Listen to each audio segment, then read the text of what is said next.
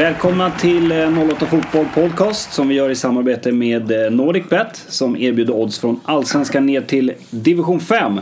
De där eh, lite lägre ligorna rullar ju på. Eh, Allsvenskan är ju de enda som tar uppehåll under EM. Och eh, 08 rullar också på. Vi säger välkommen till eh, Ulrik.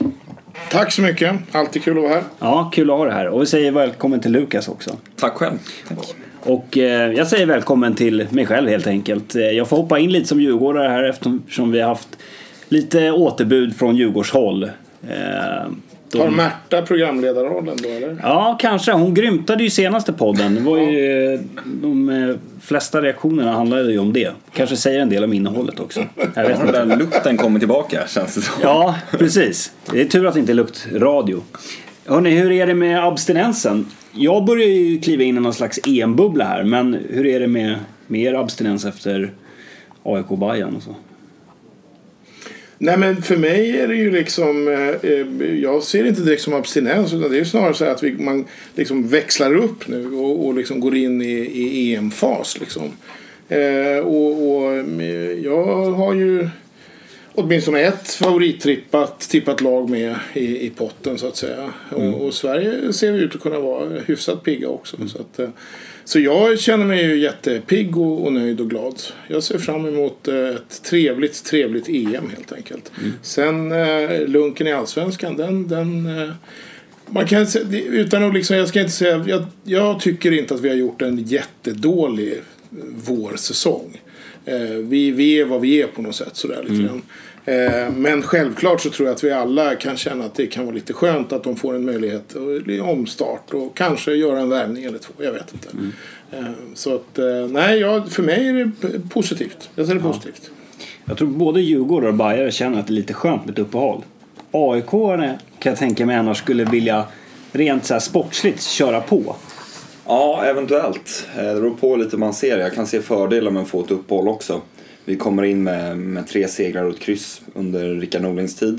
Och vi avslutade väldigt bra ändå mot Örebro trots bara oavgjort eh, i slutändan. Men det känns ändå som att ge Rickard lite tid och fortsätta implementera sina idéer och förhoppningsvis kanske våra forwards kan komma i lite bättre form.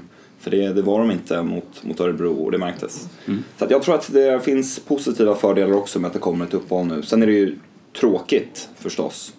Eh, Men att få ha, ha Sverige i EM och sådär, det är ändå helt okej. Lite bra substitut ändå ett tag. Men jag ska väl inte påstå att jag gör glädjevolter över att se AIK och FC Flora i träningsmatcher. Det är, Nej. det är inte skitkul.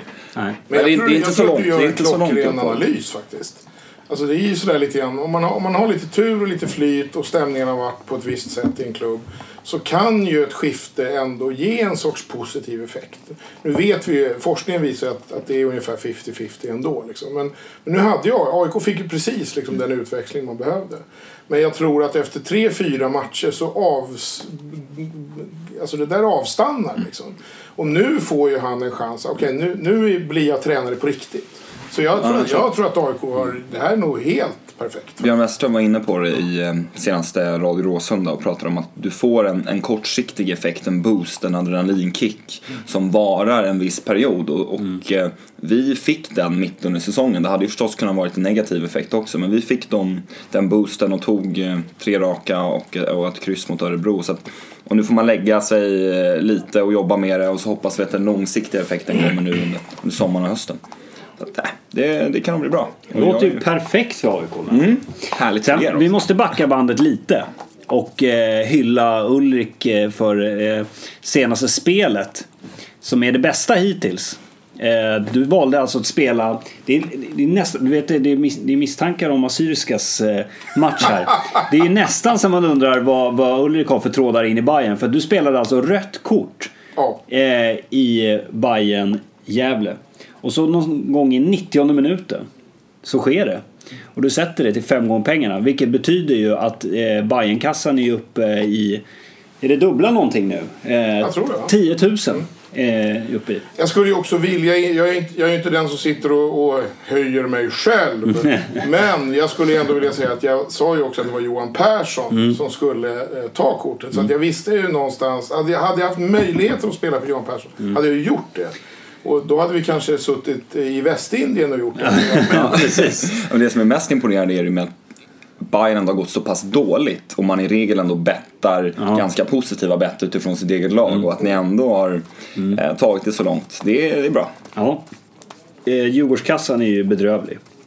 Men det konstaterade vi förra veckan. Och AIK-kassan är ungefär plus minus. Eh, så, så att, eh, ja, eh, det är ju mycket kvar av säsongen. Men just nu ser det ju väldigt bra ut för, för Bayern i, i det spelet. Och eh, i och med att eh, Allsvenskan har uppehåll så har ju även den tävlingen då uppehåll. Eh, men pengarna kvarstår ju. Så Ska att, du chocka och betta på tränarbyte? Ja, nej, men jag tänker tio gånger man, pengarna. vi skulle kunna ha lagt en slant liksom på någon, något EM-tips här om Ja. det hade varit lite framåt. Där. Jo, men det kanske kommer eh, lite längre fram. Ja. Vi får se hur vi gör. Då kanske det går bättre för Djurgården i och för sig. Eh, och det kan ju behövas. Eh, jag tänkte att eh, vi skulle börja med något som är aktuellt idag när vi spelar in det här onsdag och det är ju att Fotbollskanalen skriver att regeringen vill införa totalförbud mot maskering.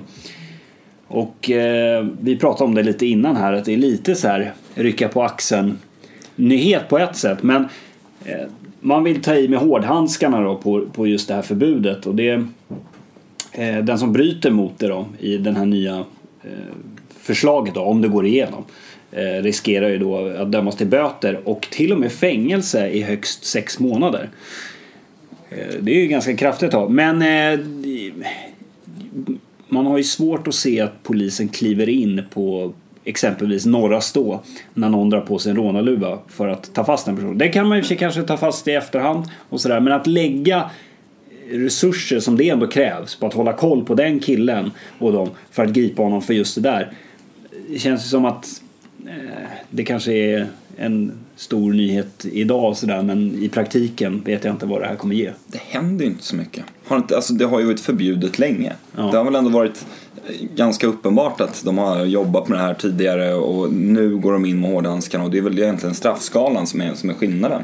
Ja, Och, och den kan man ju reagera på. ja, den reagerar man ju på definitivt. Men det känns så här, ska de gå in på arenan och, och eh, det kommer bara skapa kaos. Ännu mer, ännu mer problem. Eh, Så. Men det är lätt för mig att sitta här och säga att jag har inga, har inga perfekta lösningar på någonting men det här känns inte som att det kommer eh, Märta gillar det inte heller. Nej, Skäller som en bandhund. Eller så var det där motsvarigheten till bullshit-knappen. Ja, precis. det, Vem vet? Nej, jag, jag, det känns inte så här som att det är helt rätt väg att gå. Och framförallt inte att kliva in på, på läktaren.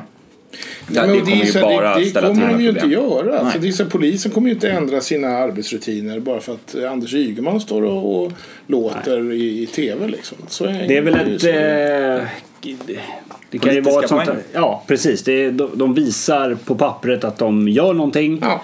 Och eh, just det här maskeringsförbudet, om, man nu ska se eh, på de här eh, problemen som finns. Det har ju ändå, får man ju ändå säga att det har varit lite problem på läktarna med till exempel bråk på läktaren när det var Djurgården-Hammarby till exempel. Det finns flera exempel på, på sånt. Att ta tag i det, men då är väl kanske inte maskeringsförbudet eh, Det är ju mer en effekt utav andra grejer.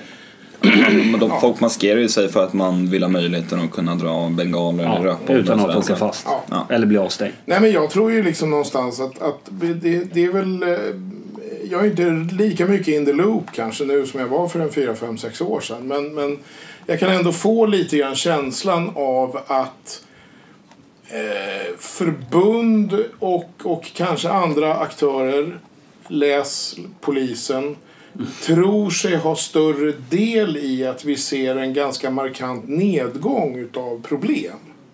Alltså att man på riktigt tror att det är för att vi, nu har vi tagit i med hårdhandskarna och det är det, det, det som ger resultat. Och så tänker man att nu ska vi ta i lite hårdare och så blir vi av med alla problem. Och det är så långt ifrån liksom sanningen som man kan komma. Man kan säga så här att, att vi har fått ett mycket bättre läge trots Svenska fotbollsförbundet och trots polisen. Alltså SEF som representant för klubbar. De, alltså SEF är en organisation som faktiskt har börjat jobba nu för klubbarnas bästa. Och inte som någon liten nickedocka som sitter i knät på Svenska fotbollsförbundet. Och de tillsammans med klubbarna och klubbarnas eh, personal och de stora liksom, supporterföreningarna. Det är deras liksom, idoga arbete som har gjort att vi idag har en situation där jag skulle vilja säga att om man hårdrar lite så är det bangers som är ett problem. Allt annat tycker jag är... Mm. Lite bråk, ja. Det, är det, liksom, det händer nog ibland på Elitloppet också. Och lite fylla och lite sånt och lite hit och lite... Alltså förstår ni? Mm. Stora evenemang, människor som tycker olika. Det kommer att bli en del problem. Men vi har väldigt lite jämfört med kanske hur det har varit andra, alltså 90-talet och så. Mm. Eh, och, och då, de här långa uppehållen. Ja, men det är samma sak där. Det, de här långa uppehållen. Det är så uppenbart att man gör det här för att få liksom, den vanliga publiken att vända sig mot supportrarna. Mm. Liksom, ståplatspubliken. Skapa liksom, en motsättning. Ni idioter som förstör fotbollen. Jag, menar, jag vet ju att man idag har kamerautrustning som, som går rakt genom röken. Man ser, det är precis som att det inte finns någon rök. Man filtrerar bort det. Mm. Så det här jävla bullshitet att, att det är för att säkerheten, vi måste kunna se toppen på läktarna. Det där är bara blaha blaha. Ja, det, det, det varierar från gång till gång. När, om, om vi har ett derby och bägge grupperna har dragit full orkester. Då, en kvart, du vet, absolut. Så att man åtminstone ser att man är på en fotbollsarena. Men sen är det ju bara att sätta igång och lira. När spelarna ser varandra, då kan man ju börja lira. Mm. Istället ska vi vänta liksom, tills de sista slingorna av cigarettrök liksom, ja. har stigit upp. Alltså, Derbyt mellan, eh, mellan Djurgården och AIK nu senast, det var AIK-Djurgården kontra mot Bayern i kuppen om inte ja. helt fel det. Det var ju liksom en kvarts skillnad. Ja, det var ju stor Men trots skillnad. att det var nästan samma, samma rökbildning. Så ja. Det finns liksom ingen kontinuitet Den i besluten Cupderbyt slutade eller skulle ju starta en halvtimme tidigare ja. än vad eh, det allsvenska derbyt mellan AIK och Djurgården var. Och jag tror att jag var hemma från eh, cupderbyt mellan AIK och Hammarby typ 11-12 någonting. Och det allsvenska mötet mellan AIK och Djurgården som var nu i våras tror jag att jag var hemma liksom 10 kanske. Ja. Men eh, vi ska ju dra något positivt också. Att, mm. eh, för SEF gick ut med information om att utländska SLOer har träffats i Sverige för att ta lärdom. Och Sverige har av Uefa då utsetts till bästa land i SLO-projektet under de tre, och de tre av de fyra senaste åren. Eh, det är ju faktiskt eh, kul. Det är helt fantastiskt. Det SLO-arbetet har ju fungerat klockrent här i Sverige. Ja, det har varit helt, helt fantastiskt. Jag eh, tycker att det är väldigt kul att se att eh, klubbar har fått bra betalt av att göra goda värvningar. Eh, man har förstått syftet med SLO-positionen. Eh, de har fått det stöd som behövs jag, jag, det är en, en, stor eloge till, till Mats Enqvist som har, mm. har liksom fått det här att, att bli precis så bra som man kunde hoppas. Um, och som jag sa, det, det, är ju därför vi har den fantastiska situation som vi har i svensk fotboll idag. Där man, där man liksom, för, för varje problem vi har så har vi fem saker vi kan lyfta och säga titta på det här, titta på det här, titta på det här. Så, så absolut. Och det, det är som jag sa, att SEF har blivit en organisation för svenska elitklubbar. Det har jag väntat på länge. Mm. Och där, där är vi nu. Det är jättekul. Grymt bra. Vi går över till själva sporten då. Och jag tänkte att eh, ni skulle få leka lite tränare och sportchef idag. Mm. Trevligt. Och eh, ni får välja precis hur liksom, nördigt ni vill gå in på det här. Om ni vill eh, droppa namn som ska värvas, spelare som ska eh, lånas ut eller kanske säljas. Eh, och då kan man ju välja att sälja en spelare till exempel för att ni tänker så här, men honom skulle vi faktiskt kunna dra in mycket cash på och i sin tur värva. Eller om det bara är så här, ah, han är för dålig. Så att eh, Ja, och ni får, ni får även så här om ni, om ni skulle vilja ändra taktik i typ att så här, men jag tycker att AIK ska spela eh, 3-5-2 nu istället. Så, så får du ju... Eh, vi var inne på det, vi var inne på det att, ibis-formationen innan. Ja. Det känns inte Och jag minns jag när Djurgården lirade förändringen. 3-4-3 tror jag. I flera minuter. I flera minuter och sen upptäckte det. Var väl lite Superettan tror jag, 2000. Ja, det var något sånt. Och, och vi hade våran i Superettan också den här perioden. Och, eh, men vad känner du Lukas? Eh, Formationsmässigt så är det ju definitivt intakt med en eh, 4-4-2. Och den backlinjen vi har avslutat med, med, med Höjkur till höger och, och eh, Partan, Nisse och Sundgren eh, tycker jag har fungerat eh, utmärkt. Det har väl funnits perioder där den inte heller varit helt klockren men, men det känns som att vi har fått lite stabilitet där. Mittfältet eh, har också, vi har haft lite skador, vi får se Dixons status och hur, hur det blir för honom i sommar. Men vi har ju väntat länge där och det känns som att vi kan få vänta ett tag till. Men Yasin Ishizaki på, på kanterna och Fori och sen är konkurrenssituationen väldigt tight mellan Saletros och Gravius för tillfället men det faller väl på Saletros fortfarande. Och i anfallet, det är där det är tveksamt hur det ska se ut. Jag ser gärna, Carlos Strandberg kommer ju försvinna med eh, all säkerhet nu i juli. Och ja, Henke Goitom mm hade man ju gärna sett. Vi får se det vilka som knackar på hans dörr. Det kanske finns väldigt intressanta erbjudanden, eller så finns det inte det. Han Ett har- halvår i AIK låter inte omöjligt. han har ju öppnat för det. Eh, Sen har ju vi förstås värvat spelare.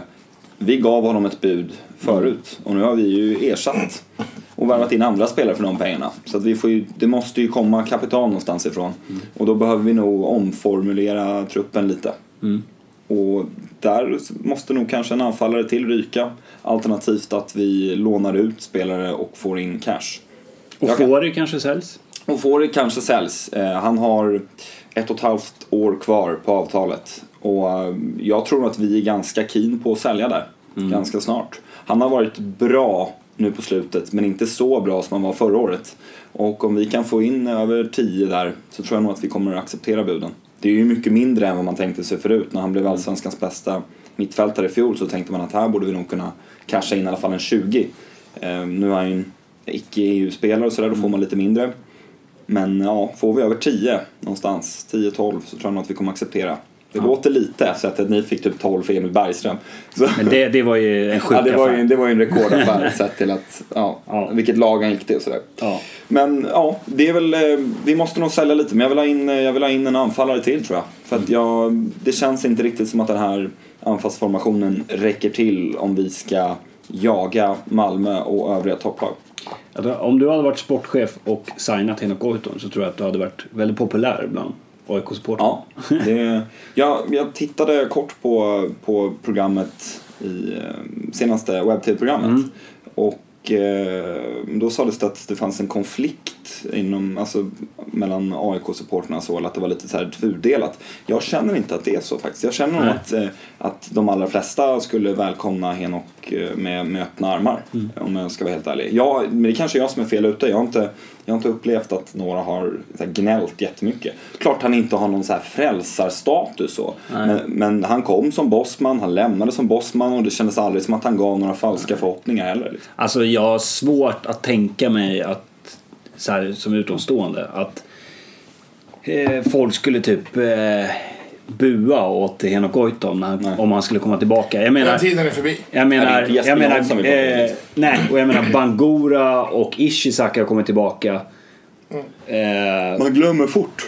På, Ja, men den tiden är förbi. Liksom. För, Ja. Publiken är ganska införstådd nu på liksom. Man har blivit lite mer luttrad med den här moderna fotbollen. Att folk hoppar runt på ett annat sätt. Han är ju han är väldigt sympatisk och förstås en väldigt bra fotbollsspelare. Det, det finns ingenting att tacka nej till där. Det skulle vara en dröm att se honom tillsammans med Alexander Isak. Men kanske den största drömmen vore väl att se att Deni Avdic blir så bra som man tror att han ska vara. Men, men just nu känns det som att han har en bit kvar till den här toppformen. Ja. 15 juli öppnar eh, svenska transferfönstret. Nu kan man ju givetvis bli av med spelare eh, för att jag tror att det är eh, redan nu så, så kan ju eh, klubbar internationellt köpa. Men eh, svenska transferfönstret är 15 juli, stänger 11 augusti. Så att från och med 15 juli så kan vi ju se officiella eh, värvningar då, om det är spelare som har kontrakt. Så att säga. Eh, Ulrik, vad, vad skulle du vilja se? Vi har ju en nyhet eh, idag. Eh, den kan du inte påverka då som låtsassportchef här. Utan det är precis. att eh, man väljer att eh, avsluta eh, det här lånet med Melker Hallberg, Ja. Udinese. Det som var lite intressant var att Hammarby gick ut med citat från Mats Ingblad, den riktiga sportchefen. Att eh, Udinese var inte helt nöjda med att de ville att han skulle spela central defensiv mittfältare. Att han fick inte göra det och, och de ville att han skulle göra det. Och det kan inte Hammarby lova. Så det låter ju så... Och att Hammarby inte är helt nöjda, för annars skulle de ju verkligen trycka på att fortsätta låna honom. Och han har ju inte varit jättebra. Eh, så att ingen verkar ju vara riktigt nöjd med det här lånet. För som det låter på supporterna så är man ju inte jättenöjd heller. Nej, nej. Och Melker Hallberg kan ju inte vara jättenöjd heller. Nej. Nej, och jag, det är väl sådär lite grann så att, att eh, eh, han, har väl inte, han har väl inte presterat så mycket och så bra som han trodde. Han har ju som många andra i Bayern varit, varit bra i, i korta partier men, men också sett mer eller mindre håglös ut andra gånger. Så att, eh, det är ju så här, det är tråkigt egentligen, och, och, och, men så är det ju. Det, kan, det, alltså, det, är bara, det vet vi ju. Och, det, och sen någonstans som, alltså vi, år efter år, hur mycket proffs vi än är på det här, eh, så, så sitter ju folk liksom och glömmer helt bort att det här är människor. Jag menar, Melker Hallberg kanske har en skittråkig eh, liksom, livssituation. Jag har ingen aning. Jag vet, jag, jag vet inte, jag vill inte jinxa honom på något sätt. Men, men vet, det, han, det kanske inte funkar mellan honom och hans partner. Det kanske, han kanske inte har någon par- Jag har ingen aning. Jag vet inte. Liksom. Men förstår du? Det kan, det kan vara sådana saker spelar in också. Det, Usla medspelare kan också vara kan vara det, det vet man inte. Ja, nej visst. Nej, men så att, jag menar, och, och, eller han, Eller han kanske inte går hem det har inte klickat med Nanne. Alltså, det finns så jävla många variabler i det här som måste funka. Och, och, och uppenbarligen den här gången har det inte funkat. Och det är bara Vad skulle du vilja se då? Om du fick säga så här, det här borde Bayern ändra på, det här borde de plocka in. Pratar vi fortfarande Hallberg? Pratar vi nu? Nu har Nej, han men- fått jobbet alltså? Eller? Ja, nu har du fått jobb. Jag har fått jobbet, okej. Så jag Ja, men tänker- jag, eh, jag är ju sådär, jag jobbar ju mycket liksom eh, med eh, att inkludera. Va? Så att jag börjar ju med att sätta mig med Nanne och, och Jinglad och säga att okej, hur löser vi Jinglad det har ju fått sparken. Han har fått sparken. Eller du är ju blir han Ja, men jag skulle ju vara någon sorts både. Jag, är, Ja, jag ser mig som en general manager. Ja, Liksom. okej, Jag är ja. Mm. bådas chef kan man säga. Ja. Nej men så skulle vi sätta oss. Så skulle vi ju så här, eh, be, be Hinken då, Henrik Kindlund, komma in med, med plånkan och visa vad han kan erbjuda. Eh, jag har Kallas två... han för Hinken? Ja, jag kallar honom för Hinken. Ja. Finns det någon alkoholkoppling där, eller är det bara... Nej, det är, nej, inte från min sida. Jag måste säga att han har varit, eh, han har varit väldigt eh, återhållen. Kanske min 50-årsskiva, då blev han lite störig och blarig. Men nej, han är en fantastisk kille. Jag ska inte... Jag, ska, jag måste lära mig att vara försiktig med för att folk fattar inte alltid att jag bara sitter och snackar skit. Ja, jag vet. De säger att, "Åh, Hörde du vad Ulrik? Ja. Det är jättefarligt. Nej, nog om detta. Eh, Och jag tror att vi tillsammans skulle komma fram till att vi behöver göra två värvningar. Och, vi, och, och då tänker vi så här lite grann. Alltså att istället för att tänka så här, hur får vi oss att bli bättre? Så tänker vi så här, vad är viktigt för våra supportrar? Jo, det är ju att vi är bättre än vad era lag är. Där någonstans börjar det ju. Liksom. Vi vet att vi håller, vi kan nog inte vinna SM-guld i år, kanske inte ens nästa år. Så. Men vi borde ju försöka liksom knapra oss in på de här två och liksom helst ta oss förbi dem. Och då, så- och då tänker jag så här. Ja, men, så mi, först går jag ut och gör drömvärvningen. Henok Goitom. eh, Vilken jävla bomb. Ja, vi, vi tar honom eh, och i princip begraver honom. Alltså, Han blir fjärde val på vänsterytter. Ja, okej, du tänker så. Det är lite Ja, fotbollmanager alltså, att börja värva spelare bara för att ingen annan ska kunna köpa. Ja, men jag kommer ihåg när Dejan Savicevic var världens bästa fotbollsspelare. Och Milan eh, inte spelade med en, en kvartista. Och köpte honom och hade honom på bänken. Och så fick han spela sig italienska cupen och sånt. Liksom. Bara för att de ville inte att något annat lag skulle ha honom. För att han var bäst. Liksom. Så lite grann så tänker vi. Henok, välkommen till klubben. Där är bänken. Ta en jacka. Ja. Eh, sen tittar vi lite grann på Djurgården och konstaterar att ja, bra lagbygge men inte så mycket att hurra för. Eh, men vi gör den fantastiska storvärvningen. Bosse Andersson skriver på för Bayern. Eh, biten får en, en kille som kan hjälpa till med bollar, samla upp koner lite grann. Ja, tre sportchefer. Och, och Bosse. Bosse tillför ju en jävla massa liksom stämning i klubben och det är en Ja. jävla bra kille sådär. Så att, Eh, och, och jag slipper pröjsa en fylla för honom. Får han smeknamnet Hinken också? eller? Han kanske har väl dubbelhinken kanske, det vet man inte. Eh, och, och då vet vi ju liksom att, att Djurgården utan Bosse Andersson, ja, det, det, det är som... Ja, det kollapsar nästan. Det är en kollaps, det är en systemkollaps kan man säga. Så då har vi liksom, uppnår vi liksom Ja. vårt resultat. Vi håller oss flytande på samma nivå. Men vi sänker Gnaget. De har liksom plötsligt alla visioner om att här, nu hösten och Henok och nu jävlar. Bort med det. Och Bosse Andersson bort. Och så börjar ni värva märkliga moldavier som, som liksom får spysjukan. Jag gillar ju lite dina kalla kriget-ambitioner här. Det är... Vi värvar då Romolo. Ja. Han Yes. lånas ut. Ja. Vi lånar ut Romolo. Ja. Som, som en mullvad. Ja, precis. Som går runt och Tar gula kort Ja. och är allmänt kass. Bara- lägger i kräkmedel i vattenflaskorna. Exakt. Ja, där har du mitt eh, upplägg. Ja, jag är lite mer ambitiöst. eh, Eller nej, inte mer ambitiöst kanske, men... eh, Det här var ju oerhört Ja, det där var ju Ja, nästan ja, ja. överambitiöst. Ordet du letar för något seriöst. Ja, precis. Mer seriöst eh, förslag när det gäller Djurgården. För här behöver det ju värvas. Va?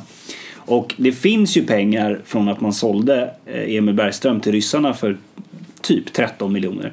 Och då Är är, det sant att de pröjsade i vodka? eh, de kanske delade ut 13 Delar shots vodka. Ja, under ja. dealen. Ja, men, jag... Men det var nästan med ryssarna nog som blev nedsupna i sådana fall. Antagligen. Ja. Och... Eh, Bosse skrev dit en nolla till. Ja, precis. Nu ser jag en till noll. Nej, det är för att du har druckit vodka. Eh, nej, men så här, det är ju så att när Djurgården, strategin nu när Djurgården säljer spelare är ju att hälften av summan ska gå rakt in i föreningen. Och hälften ska gå då till till exempel att värva spelare eller signa kontrakt och så. Och då har vi ju ett, ungefär 13 eh, millar då som Bergström gick för. Och eh, ja, då har man 6,5 eh, att värva. Och så värvade man ju Marcus Hansson för typ 2-3 miljoner. Så då är vi någonstans på 10 kvar då.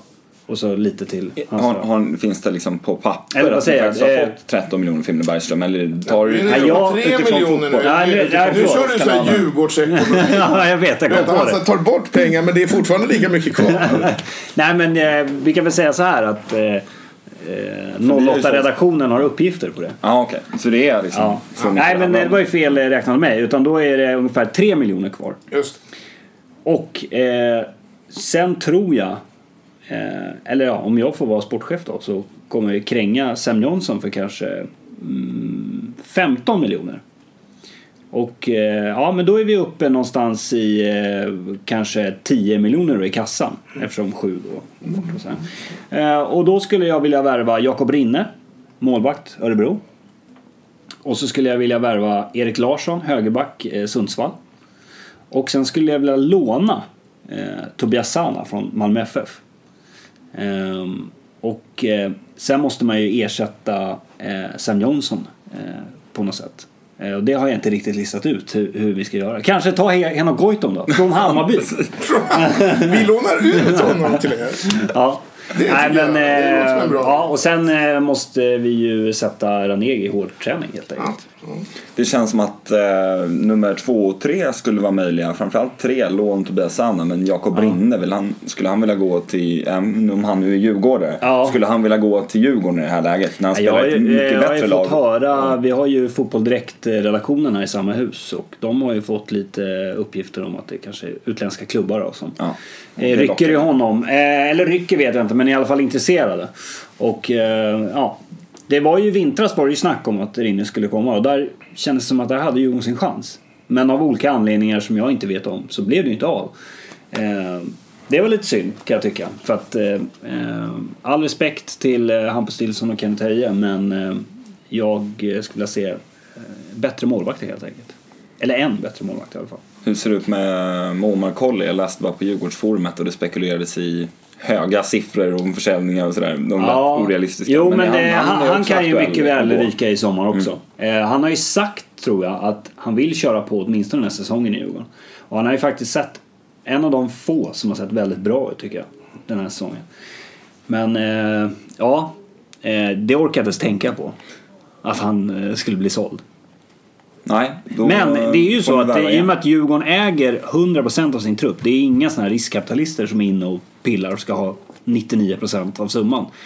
Så gör det ju att när de säljer såna här spelare som har värvat ganska billigt, om man har koll i Sam Johnson, så kommer det ju klirra. För Sam Johnson är ändå, det är ju en bra målskytt. Så han kommer ju gå ni för mycket pengar. 15-20. Ja. Det, det borde ni ju definitivt få. Så på det sättet så är, känns det ju inte... Det är klart att det är jobbigt att förlora en så bra anfallare. Men det kommer generera så mycket pengar. Så Mm. Mm. Ja, jo. det känns väl okej. Sen vet man att det går, det går fort att mm. spotta bort de där pengarna tyvärr. Ja. Man tänker att man får in en, en, en stor Stockholmsklubbar summa är ju dåliga på att vara rika. iväg. De är bättre än de fattiga nästan. Ja. Jag kommer ju liksom aldrig på något sätt att liksom kunna glömma. eh, Det var det första vändan när AIK gjorde en jävla massa Champions League-pengar. Mm. Och så köpte ni den där, det där, den där tjockbenta mittbacken från Malmö. Hette han Christer Karlsson? Som, var- det här, ni, ni är för unga för det här. Alltså. Det, det, Var det hette han så? Christian Karlsson kanske han hette. Ja. Alltså, du menar, du menar, du menar typ hade 99-2000? Ja, där någonstans skulle jag tro. Det och han var, så, han var Och helt... då och det måste var jag backa bandet ordentligt. i huvudet. Jag tror det var så Men, Sveriges ja. genom tiderna dyraste försvarsspelare. Och, sånt och han var helt värdelös. Underbar värvning. Jag skrattade varje Du jag tänker inte på Pontus Kåmark nu? När du Nej, nej, nej, nej, nej. Jag vet att du inte Nej, tänkte nej men det var, jag kan så här, fortfarande bli liksom... Christer eller Christian Karlsson. Vi, får, vi får fråga publiken. Ja. De vet säkert eh, vem jag pratar om. Jag vet att eh, Martin Åslund, det här har jag säkert dragit förut, men han berättade i Eurotalk någon gång att, för han var ju i AIK då. Efter det Champions League och då de här miljonerna trillade in. Och då AIK fick den här dåliga typen av hybris. Och där de började liksom efter matcher, dagen efter matcher tror jag var, då åkte de ut till Yasuragi. Ja. Och, eh, och då var Åslund, eh, säger han i alla fall, var ju en av dem som så här, eh, ifrågasatte. Han bara, men alltså vi har ju bastu och gym och grejer på Karlberg. Och jag har varit på Yasuragi med min tjej, det är svindyrt. Alltså, det kostar ju flera tusen per person. Varför åker vi ut dit? Men det var ju för att AIK-spelarna skulle känna sig som eh, lite proffsigare än de andra och lite kungar. Men det, Och det, och det, alltså, de eldade ju upp pengar. ja, det är helt sjukt. det var väl eh, en del i Stuart Baxter-eran som var positivt. Att det blir väldigt proffsigt och man, man lyfte sig för man gick upp några nivåer och tog det till ett nytt kliv jämfört med alla tråkiga träningsoveraller liksom. Men det där är ju ett pengabränneri som är helt För det är det jag menar. Djurgården har ju varit väldigt fattiga eh, senaste eh, åren. Vilket har, och det tvingar ju sportchefer och tränare att eh, steppa upp lite. Och det har ju gjort att eh, Djurgården har värvat bra med små medel. Det finns ju en risk... De senaste åren Ja. ja. Eh, sen har det ju kanske inte liksom, man kan ju inte förvänta sig att det, det är SM-guldvärvningar. Men med de små medel så har man ju ändå gjort ganska många bra. Sen finns det ju en del dåliga också. Ja. Nej, MP körde mer på den här värva så många spelare som möjligt. Ja, det, där var det ju bra. liksom omsättningen som var viktig. Ja. Eh, Får vi in 12, kanske en halv spelare är helt okej. Kasta ut hela den truppen, ta in hela nya. Men eh, det, det blir lite så. Man kan ju se på MFF till exempel. Eh, som har väldigt mycket pengar. Som de liksom, där kan de ju öppna upp plånboken. Och finns ju vissa spelare där som har kostat väldigt mycket som kanske inte har levererat. De vill jag spela, spelare kommer vilja sticka därifrån också på grund av obefintligt Men MFF har gjort en del bra värvningar också. Vi, vi, vi har ju en del skåningar och så som lyssnar. Och De är snabba på att hugga. De hugger direkt. Ja. Ja, de leder allsvenskan så det finns inte så mycket att Nej, precis. där. Så att det ska man inte klara. Jag tänkte en annan grej, om, om vi hinner med det. Det är kanske lite större debatt och lite uttjatad också kanske. Eh, konstgräs versus naturgräs. Eh, är ju en sån här... Eh, eh, Kan vi, jag skulle, jag snackis. tycker, har du sett till nu så att vi har tid att prata om eh, fotbollsförbundets eh, bra eh, initiativ som de har gjort? Ja, här, liksom? men vi kan ta den Vi här. kan ta den sen. gan- Ta den vi kan ta den ganska snabbt. För jag har ett eh, litet förslag eh, när det gäller konstgräs. För jag vill ju få bort det eh, så mycket man kan från Allsvenskan. Och skulle man inte kunna sätta en eh, liksom regel sett till breddgrad. Att säga att man drar en kanske, nu, nu bara drar jag fram något här, men vi säger att vi drar en vid Gävle. Ja, men Dalälven. Ja, ovanför Gävle så får man ha konstgräs. För att Östersund, där snöar det ju typ nu. Så att det är ändå förståeligt. De kan ju inte ha en bra matta i, i, ens i maj. Nej, nej, nej, det är helt... helt Men Stockholm kan ju absolut ha det. Och neråt. Kan, men har vi haft det historiskt sett? Nej, men vi, Det är en går ju. pengafråga. Ja, jag vet. Men om man har då den här regeln. Alltså du måste ha riktigt gräs. Eh, Men då får ju typ ligan subventionera klubbarna som kommer behöva ja, tvinga men jobba kan, det med där gräset får de lösa på något sätt. Men det är i alla fall mitt förslag. Att man drar gränsen någonstans där vid Mm. en väderleks... eller Liksom en breddgradsgräns. Vad Jag tycker det är en bra idé. Jag tycker, jag tycker det är en jättebra idé. Jag, eh, kan vara så att jag har hört det någon gång förut. Alltså typ Kanske. så här Mats Olsson Ja. någon gång innan Ja, kanske. han eh, slutade skriva Ja. helt. Ja, jag, jag, jag svär inte att eh, Nej, nej, nej. det är min idé. det, var, det var mer ett tecken på att du är på rätt väg. Det var ingen Ja. kritik. Ingen kritik Ja. alls. Utan, nej men jag tycker det är en jättebra idé. Jag, jag så här... Jag tycker att det är jävligt konstigt att... Eh, att, att det har blivit en sån grej att vi... Alltså, alltså, var, varför, varför, varför spelar vi på konstgräs? Varför, varför bestämde man sig för det? Och det, och det är så här ekonomi, men herregud. Alltså, någonstans så är det... Om vi nu ska spela fotboll och fotboll nu spelas på gräs. Då är väl det någonting som man får liksom räkna. Då får Ja. man väl räkna Jag vet, med jag vet för på samma sätt. Jag såg till exempel eh, eh, korrespondenterna igår som handlade mycket om fotboll. Och det är att i Frankrike så har förbundet, franska förbundet har sagt att du får inte bära eh, slöja på fotbollsplanen. Eh, för du får inte ha några, och då är, det någon från förbundet som menar då på att, vi ska inte gå in på den debatten, men bara som ett exempel. De menar ju på att i, i liksom grundreglerna hos Fifa så är det så här, du får inte ha några religiösa eller politiska anspråk, alltså du får inte ha någon sådana budskap på dig när du spelar fotboll. Och det är ju sådana här liksom lite så grundregler på något sätt som de har. Sen kan man diskutera vad man tycker om det, men det finns ju. På samma sätt tycker jag att det borde finnas liksom en grundregel att fotboll, det spelas på gräs. Punkt. Annars kan man ju säga, men vi vill spela på is. Ja, ja Alltså, eh, nej men, så jag tycker det är lite så här, vad fan, det måste ju finnas vissa regler liksom. Det ska finnas eh, Vi- fyra hörnflaggor, två mål. på, på långsidan. Ja, Det är så lirar vi ja, fotboll. ja, försök göra mål på oss. Vi har byggt upp en tegelmur här. Så att, nej men jag menar, det, Nej, jag, håller med dig. för det är konstgräs, är ju fan, det är på låtsas liksom. Du kan lika gärna ha en innebandyplan. Ja, men jag tror också att det är, så här, det är ju ett problem någonstans faktiskt, om man liksom lyfter en nivå. Att, att vi får en massa spelare som, som liksom vänjer sig vid att spela med ett, på ett underlag som, som sen är, är liksom eh, redundant i, i fotboll i stort. Alltså internationell fotboll spelar man ju inte på konstgräs. Liksom. Sen kan man väl också se att några av de spelarna som spelar på konstgräs utvecklar en herrans bra teknik. Jag vet inte, alltså, man. titta på en Hur- spelare som hur Robin hur Quaison är och spelar på funktionell, konstgräs. Liksom, hur mycket av det kan de använda Vissa, sen när de spelar ja, det finns ju uppenbarligen exempel där folk går väldigt bra trots att de har spelat på konstgräs hela Ja, sitt liv. ja, ja. Alltså alla våra eh, talanger nu som kommer upp. Man pratar hela tiden om att det är jobbigt att åka och spela på konstgräs. Jag tror nog att AIK nästan är bättre på konstgräs. Alltså tittar du på poängsnittet för oss så här långt det här året. Nu har vi ju en ganska ojämn fördelning över hur vi har spelat matcherna. Det är väl åtta på vanligt gräs och fyra på konstgräs. Men vi har ju 2,25 poäng i snitt på konstgräs och 1,5 eh, på, på gräs. Sådana grejer har du i huvudet. Ja, men vi, jag tror att vi är, Ja, men verkligen. vi är nog ett lag som är nästan bättre stundtals på, beroende på vilka spelare spelar med våra yngre lirare så är vi bättre på konstgräs. Sen nästan, kan det ju vara så eh, att det- det blir svårt att ta steget ut till Europa för det är en annan eh, Jo, nej, men det är dels det. Och men- sen håller jag med dig om att det finns någon sorts liksom, hygiennivå liksom, på vad fotboll är. Liksom. Mm. Om fotboll nu ska vara den sport det är. Så det, alltså, en förutsättning är väl att man har gräs. Liksom. Mm. Det, det kan jag tycka. En boll, två mål och gräs. Liksom. Sen är frågan, är det mer fotboll att spela på Stadion eller Råsundas gyttjematta i mars än vad det är att spela på konstgräs? Det var i alla fall från början gräs. Ja, Det har en gång i tiden varit. ja alltså när, när vi Nej, men jag när vi mötte BP så- det- 2010, ja, men jag det var inte men fotboll. Ja, men då tycker jag, is. det är på samma Alltså, sätt som att man eh, Ja, går runt och alltså- inspekterar, typ som krogar går och inspekterar, typ, eller blir inspekterade Ja. med hygien och allt sånt där. Så Ja, inspekterat så här, den här mattan håller inte. Lös det.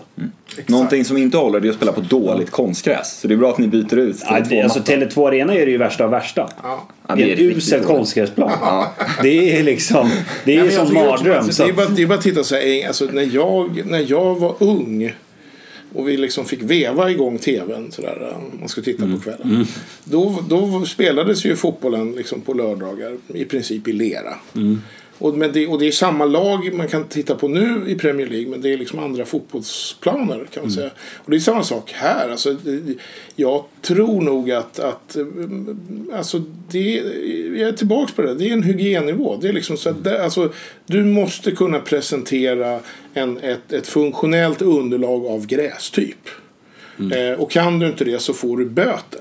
Mm. Alltså, vi, om vi nu är beredda att ge folk eh, klubbar böter för att det står ett stolpskott och slänger bangers. Då ska man väl kunna ge en klubb böter därför att de har en undermålig gräsmatta. Alltså jag tycker det är ganska självklart. Och då kanske det är så att, att Djurgården och Bayern ska, ska få liksom varje hemmamatch så ska de få böter. Från deras gräsmatta är per definition undermålig. Liksom. Jag säger något, om jag skulle få förutspå, och jag tror att det kommer bli, så tror jag nog inte att det kommer bli så att man kommer tvinga på annat underlag. Men jag tror nog att konstgräsnivån och hur likt det kan bli riktigt gräs kan sakta men säkert förbättras så pass mycket att de 15-20 år så kommer vi nog ha ett konstgräs som är mer eller mindre som vanligt gräs Vi men det går kostar liksom det mindre. varvet istället. Vi går liksom så långt emot naturgräs att vi till slut är tillbaka Ja. till naturgräs. Du vet i amerikansk fotboll. Mm. Som jag, jag, jag, det är kanske någon som inte vet det men jag är intresserad av det. Nej, men där var det ju så, alltså, man, man gick ju igenom en sån här revolution liksom, där alla skulle skaffa konstgräs. Och det här var ju liksom tidigt 80-tal så konstgräs för dem det var ju liksom en betongplatta Mm. med filtduk på riktigt alltså. Och, och, men, men där gjorde man helt enkelt så att man, man så konstaterade att nej, men det här var inget bra. Och det här var inget schysst. Och det här var inget roligt att spela på. Så nu har man liksom gått tillbaks. Det finns fortfarande ett par så här, inomhusarenor.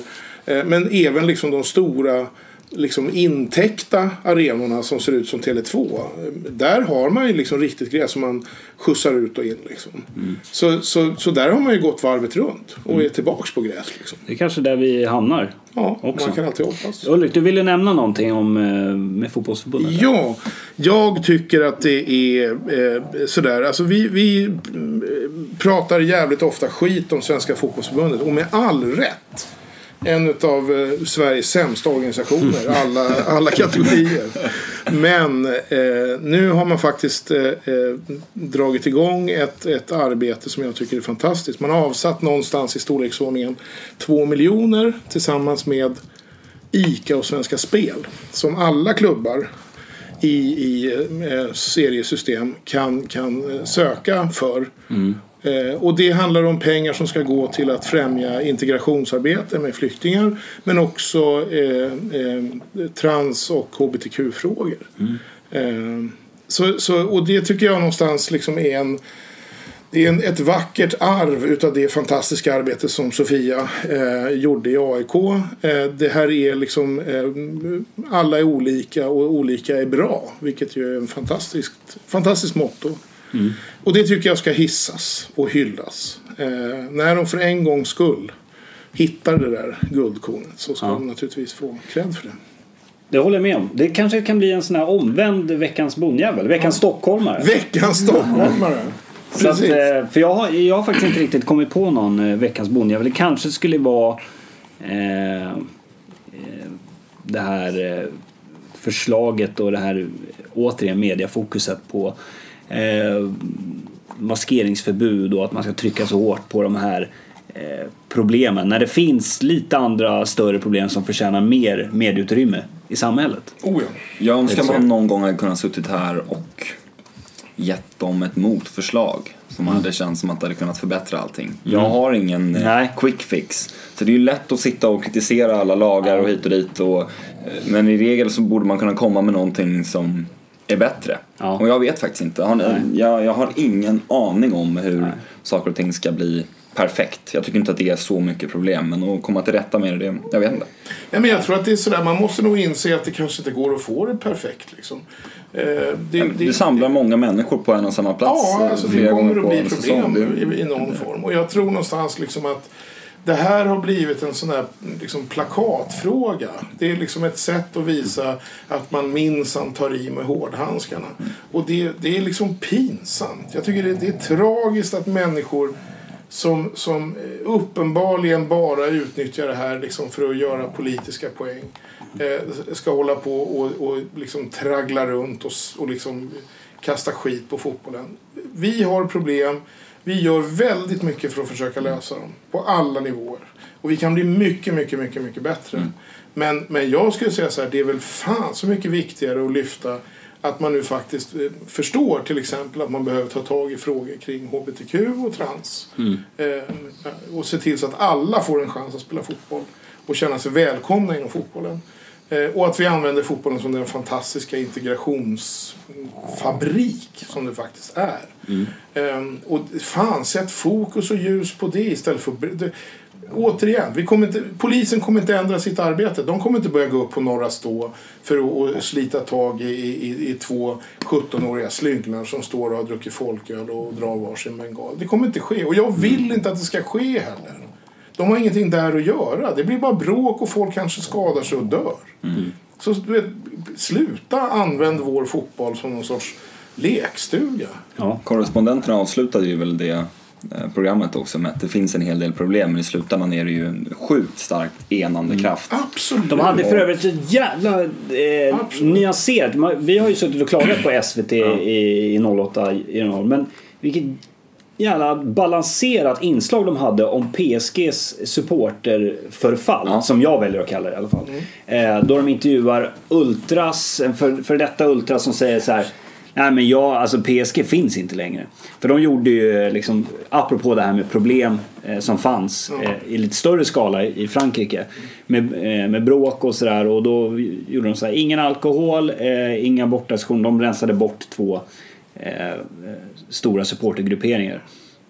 Och då de intervjuade liksom, för detta Ultras då, som fick ge sin syn. Och det var, det var inte så mycket så här stå med pekfinger och, och, utan det var de fick visa liksom båda sidor. Det var väldigt balanserat och inte bara så att de intervjuar en polis och en ordförande utan de träffar verkligen kärnan. Ja. Eh, Fick i alla fall jag känslan Ja, det var riktigt bra. Framförallt, Bra eh, man borde kolla på det för att få se sista inledningen där när Norborg dunkar upp den i krysset på första touch. Ja. Helt sjukt. Ja, det var snyggt. Ja, med det så eh, säger vi tack och hej för den här gången. Tack för att ni kom hit hörni. Tack, tack. Som vanligt jättekul att surra med er. Och eh, vi hoppas att ni stod ut med Märtas snarkningar här på, på slutet. Och eh, 08 är tillbaka i studion nästa vecka. Vi ses då helt enkelt. Hej då! Hej då.